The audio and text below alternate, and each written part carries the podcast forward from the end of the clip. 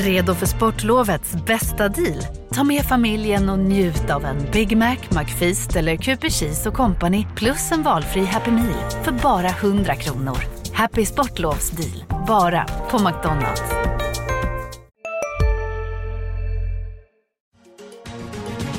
Makrorådet från Dagens Industri.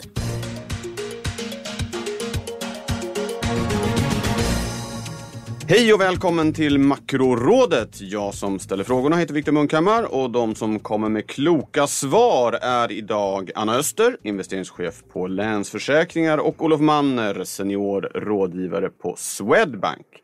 Välkomna hit båda två. Tack. Tack så mycket. Ja, det är förmiddagen den 15 maj när vi står här och det är ett helsvenskt tema idag kan man nog säga om det inte kommer några överraskningar. Vi ska prata om arbetsmarknaden och vi ska prata om bostadsmarknaden och spaningen handlar också om Sverige om jag har förstått det hela rätt.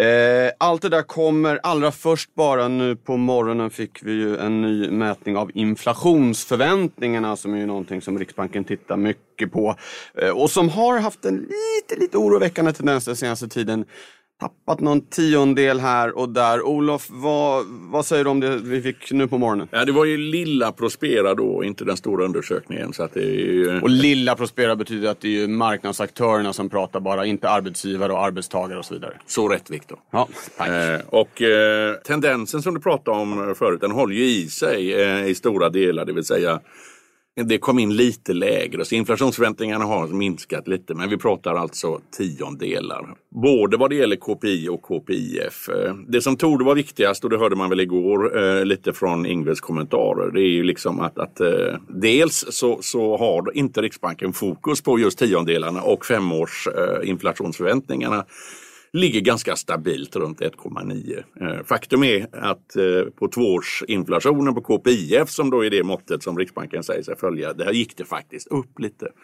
Och det kan ju bero, bero på den svaga kronan och att man så att säga räknar hem effekter ifrån den som inte har varit, visat sig eh, jättetydligt tidigare. Men ändå. Så att eh, i min värld så är inte det här någon kioskvältare. Nej.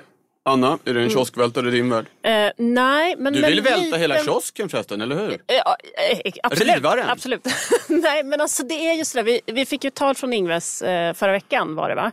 Ja. Jag hade tillfälle att kommentera det där och då kommenterade jag just kring inflationsförväntningar. Jag tänkte prata lite mer senare om det här i, i spaning och så vidare också. Men de lägger ju upp väldigt mycket vikt vid inflationsförväntningar. De säger uttryckligen att i normala fall när saker och ting i omvärlden förändras i ganska eh, snabb takt, både strukturellt och konjunkturellt, så ska en centralbank vara försiktig.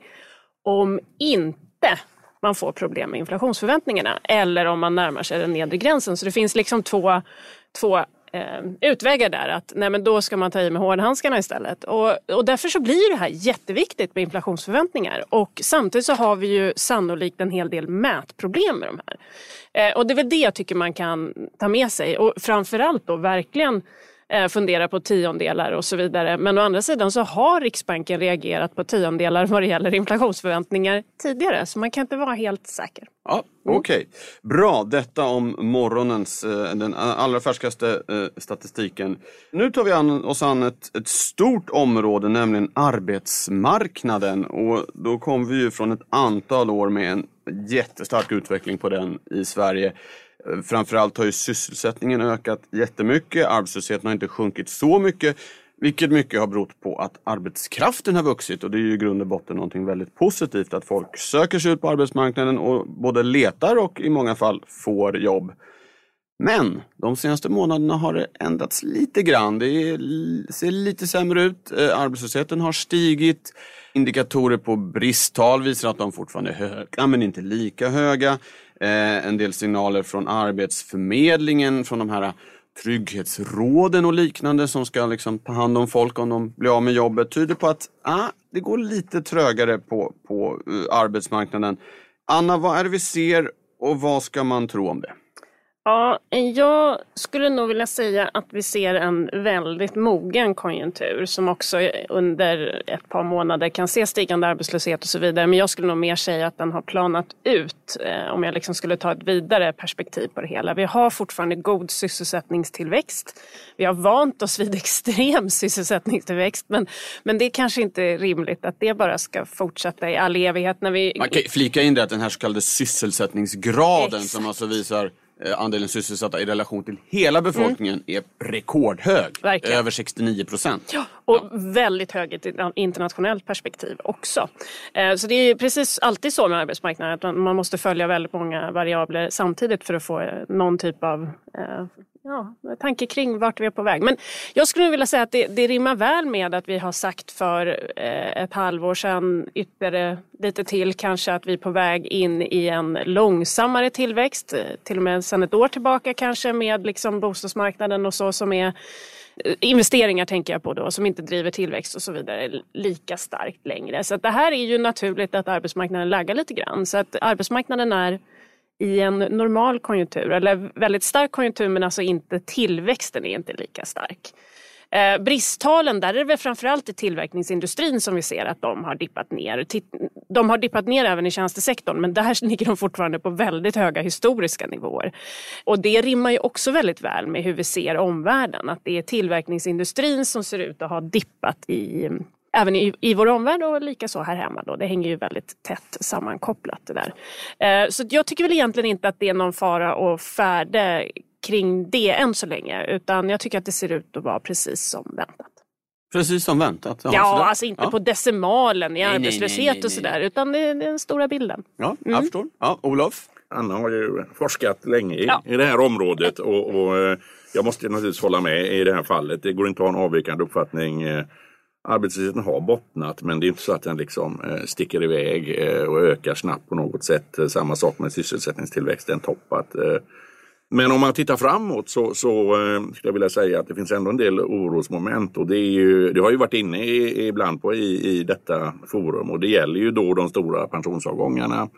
Det är väl snarare så att säga eh, kanske bristen på arbetskraft som kan bli ett problem längre fram beroende på hur konjunkturen utvecklas. Och, eh, då måste man ju titta på gymnasiebehörigheten hos eh, ungdomar och sånt där. Och, eh, framförallt hos eh, utrikesfödda och även andra i nationen utrikesfödda så är det låg gymnasiebehörighet. De behövs i arbetsmarknaden. Det är långa ställtider.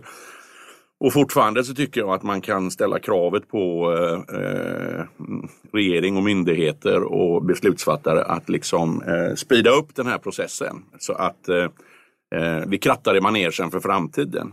Och, och, och där tycker ju eh, både jag och mina kollegor på banken då att eh, man kunde ha gjort mer i den eh, vad det gäller stimulanser på det området. Men då är det strukturella uh, orosmål snarare än Svar ja. konjunkturella Ja, vi, vi ja. pratar om här. Och, och just vad det gäller då konjunkturella utsikterna. Så länge vi har den här pågående konflikten i, framförallt mellan USA och, och, och Kina men även kanske fordonstullar och sånt här. Så, så även om huvud, huvudtemat är en avmattning så kan den ju bli både grundare och, och djupare beroende på utfallet här. Till sist innan vi går vidare Anna, ska man räkna med att om vi tittar på arbetslösheten att vi ska fortsätta ligga och slå någonstans mellan 6 och 7 procent då? Eller är det, är det liksom ditt huvudscenario? Ja, alltså det, om man tittar den närmsta tiden, det är svårt att se någon större uppgång i arbetslöshet om vi blickar eh, ett år framåt. Och det, men det hänger ju å andra sidan helt och hållet ihop med det Olof precis sa. Skulle, skulle det här, den här handelskonflikten eskalera till eh, något betydligt värre än vad vi har sett idag, då, kommer hela världen påverkas av det i största sannolikhet. Och då kan företag liksom förbereda sig på ett sätt som gör att man ser till att inte anställa i den utsträckning man har tänkt sig och så vidare och kanske till och med eh, ta i med mer hårdhandskar än så. Men då, då krävs det liksom någonting helt annat. I en normal konjunkturutveckling som vi ser framför oss nu så har jag svårt att se att vi skulle se någon kraftigt stigande arbetslöshet. Då går vi över till eh, bostadsmarknaden som vi har pratat mycket om de senaste åren. Och där som du redan har varit inne på Anna finns det så att säga två delar. Dels bostadsinvesteringarna som ju har sjunkit kraftigt och som är en viktig orsak till att vi antagligen får betydligt lägre BNP-tillväxt i år än i fjol exempelvis. Men om vi tittar på priserna som ju var väldigt i ropet för ett och ett halvt år sedan. de stabiliserades och de allra senaste signalerna är ju att de till och med börjar klättra uppåt eh, lite grann. Ska vi in i ett nytt bostadsrally nu, Olof? Eller hur ska man tänka egentligen? Och vad beror det här på? Ja, eh, den stora sättningen på eh, fastighets eller bostadsmarknaden kom ju under kvartal 4 2017. Eh, sen dess har det så att säga rört sig lite upp och lite ner. Eh, vi på Swedbank har ju trott på en stabilisering och har väl fått det någorlunda bekräftat. Eh, det är fortfarande så att utbudet av eh, nybyggda bostadsrätter och även på Hemnet kommer toppa nu under maj. Och det gör att det finns fortfarande så att säga, en utbudsrisk. Eh, men sen kommer det faktiskt att så, så, så pekar allt på att utbudet kommer mattas av. Tittar vi på statistiken som har kommit in eh, både från Valueguard och, och Boprisindikatorn från SE-banken, mäklarstatistik, Hemnet och alltihopa, så tyder det på en stabilisering. Eh, och jag tror också att eh, prisnivåerna har naturligtvis fått lite hjälp av det faktum att eh, de flesta bedömare har skjutit fram nu Riksbankens räntehöjning från någon gång i höst till eh, årsskiftet eller till och med längre bort. Då. Och det ser vi också på eh, andelen nya bolånetagare som då eh, har eller binder räntan. Den har minskat igen och så vidare. Eh, sen vet ju alla om att eh, vi bygger inte tillräckligt med lägenheter och det finns liksom ett strukturellt, eh, en strukturell efterfrågan. Eh, den är eftersatt, bostadsbristen finns där och kombon av fortsatt låga räntor, en, en eh, ihållande bostadsbrist och en, en kraftigt växande befolkning är naturligtvis någonting som stödjer bostadsmarknaden långt sikt. Däremot så tror inte jag i alla fall att vi kommer att ha samma prisutveckling som, som vi har haft kanske de sista 30 år? Fem, ja, faktiskt. 25 i alla fall. Ja, i varje fall sen, sen 90-talet. Va? Ja, ja. okej. Okay. Mm. Anna? Ja, nej, jag tyckte Olof var ganska uttömmande där ändå. Eh, alltså det, det var inte jag meningen. Det, det var inte meningen. Nej, precis, nu har jag ingenting att säga. Nej, utan det jag skulle säga Första var... Första gången. Tappat tråden.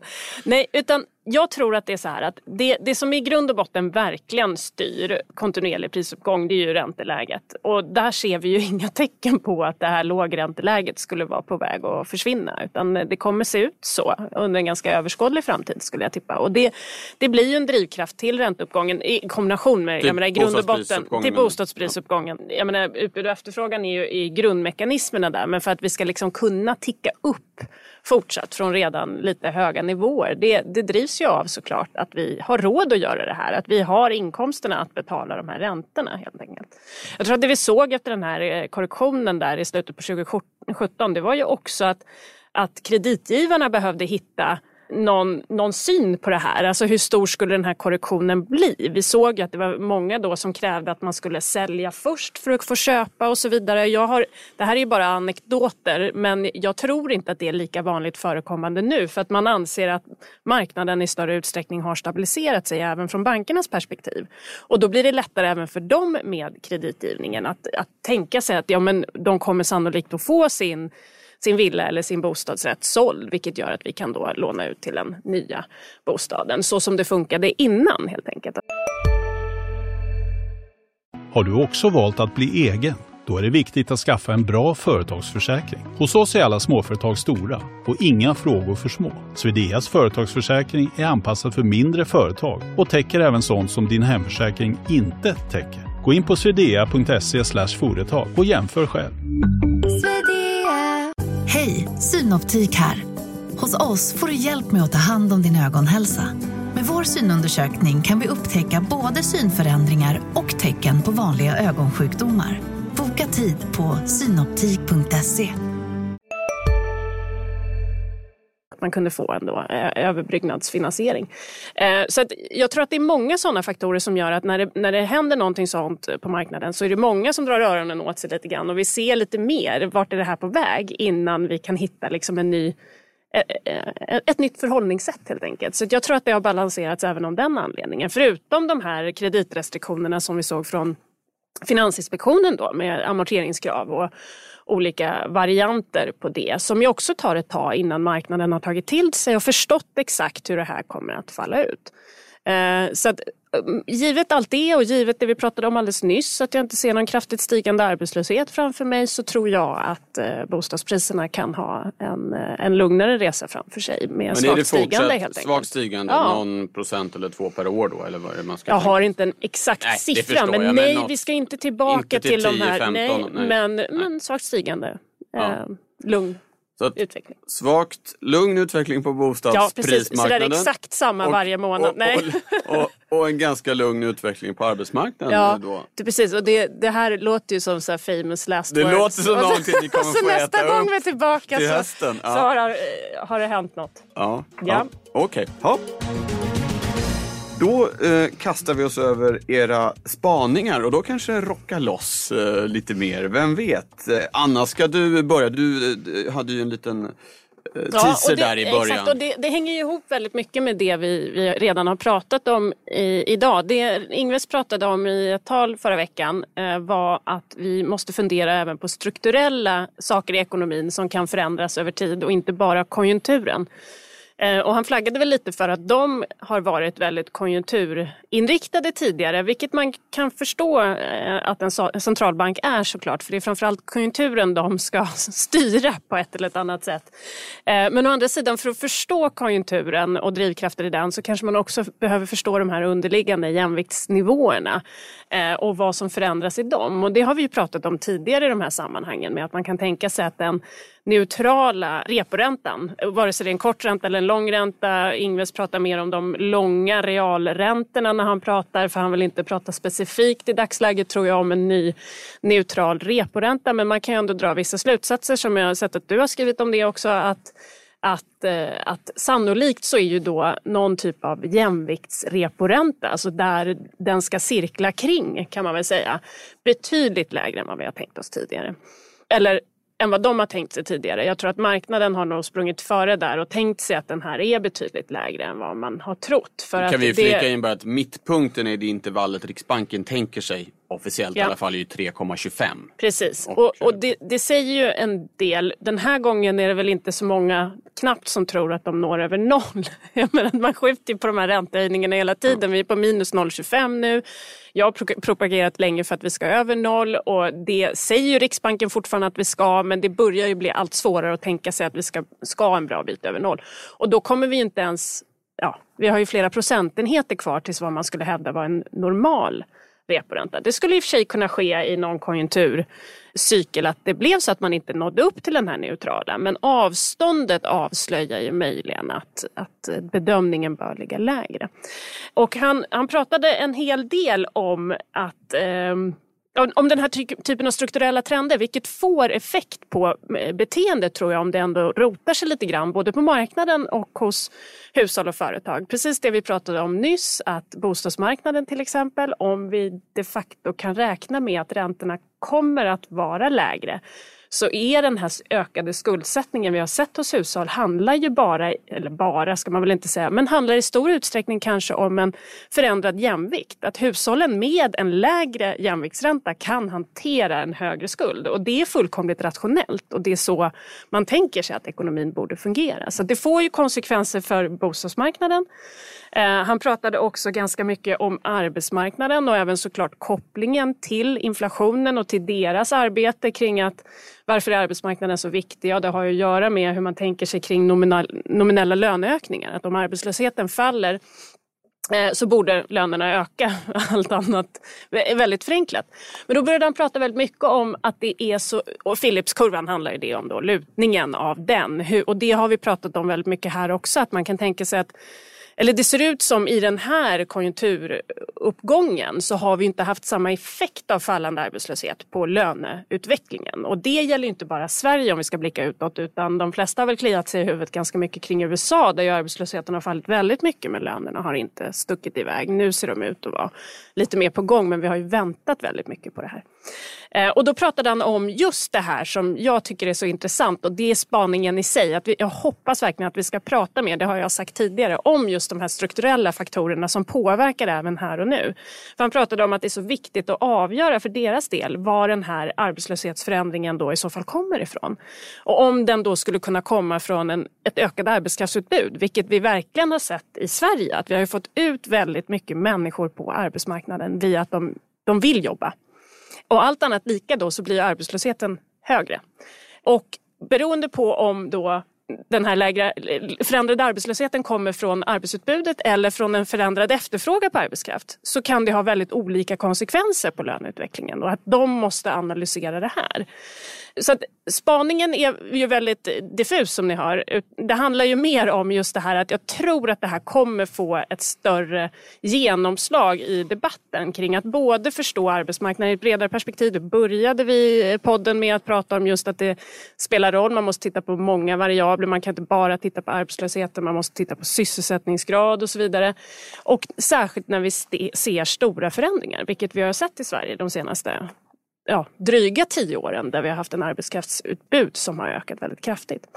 Eh, så jag, jag, tror bara att vi, vi får hålla ögonen på de här frågorna och tänker mig att det här kommer att forma också penningpolitiken framåt. På hur, vilka signaler de skickar och hur de formulerar sig kring eh, den här typen av frågor. Så får vi vänja oss vid att blicka lite bredare helt ja. enkelt. Mm. Olof, någon kort kommentar innan du drar igång själv? Ja, men den korta kommentaren är väl att allt oftare nu diskuteras ju eh, målformuleringar för Riksbanken. Eh, jag såg eh, Magdalena Andersson var ute och hintade lite igår Mats Dillén, enmansutredaren, kommer väl det är under hösten som resultatet av hans undersökning kommer. Ja, det har ju förskjutits eller försenats några gånger. Ja, så att, eh, och jag menar, det är inte ovanligt att eh, centralbanker i, över historiens lopp så att säga ändrar paradigm. Man följer olika saker och ändrar styrmedel i takt med att ekonomin utvecklas. Så att det här tror jag är, det ligger nog i linje med vad Anna säger. Ja, okej. Okay.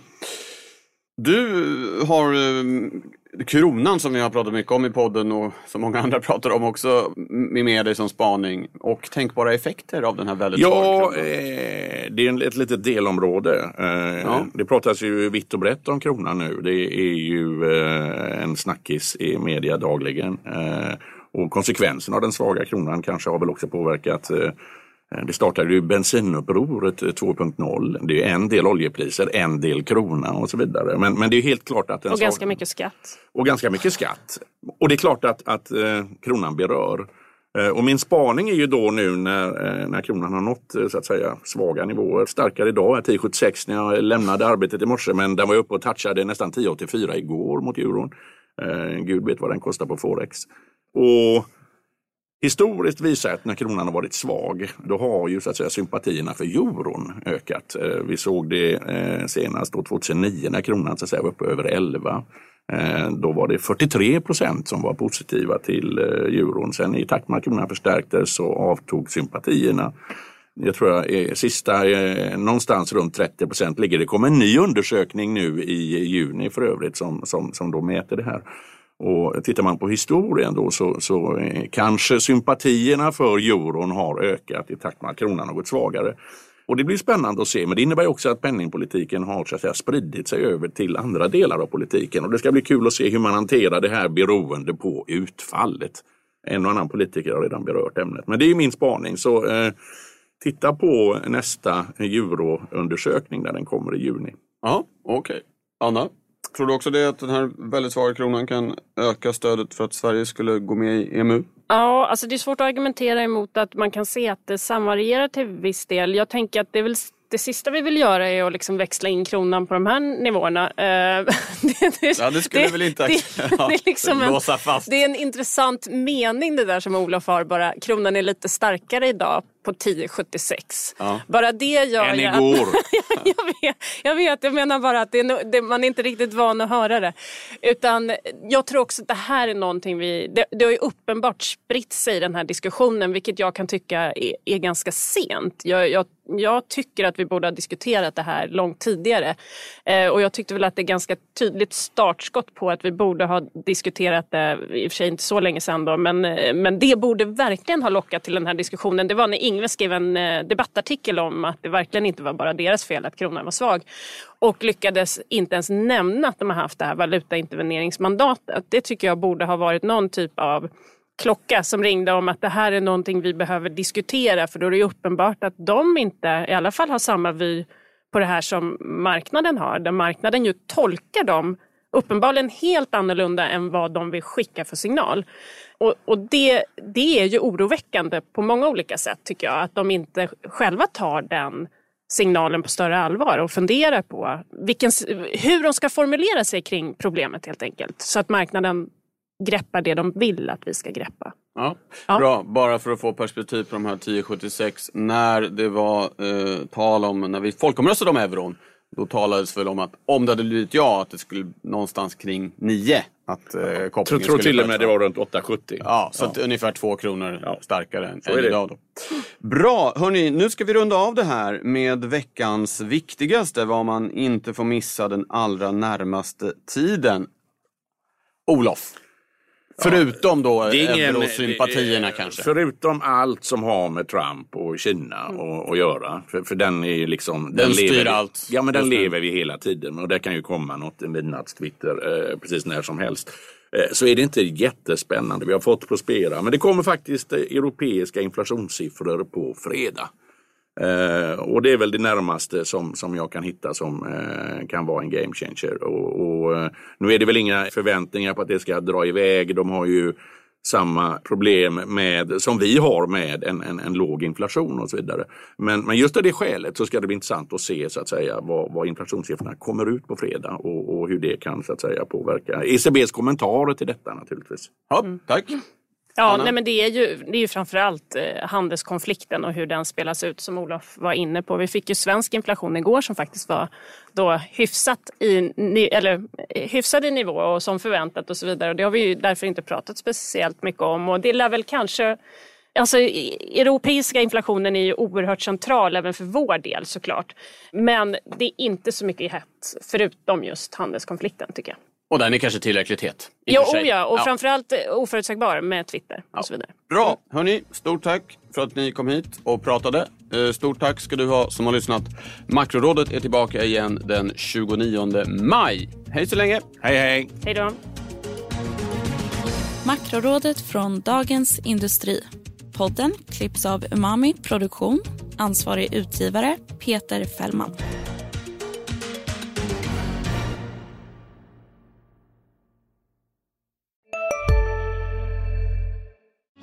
Hej, Susanne Axel här. När du gör som jag och listar dig på en av Krys vårdcentraler får du en fast läkarkontakt som kan din sjukdomshistoria.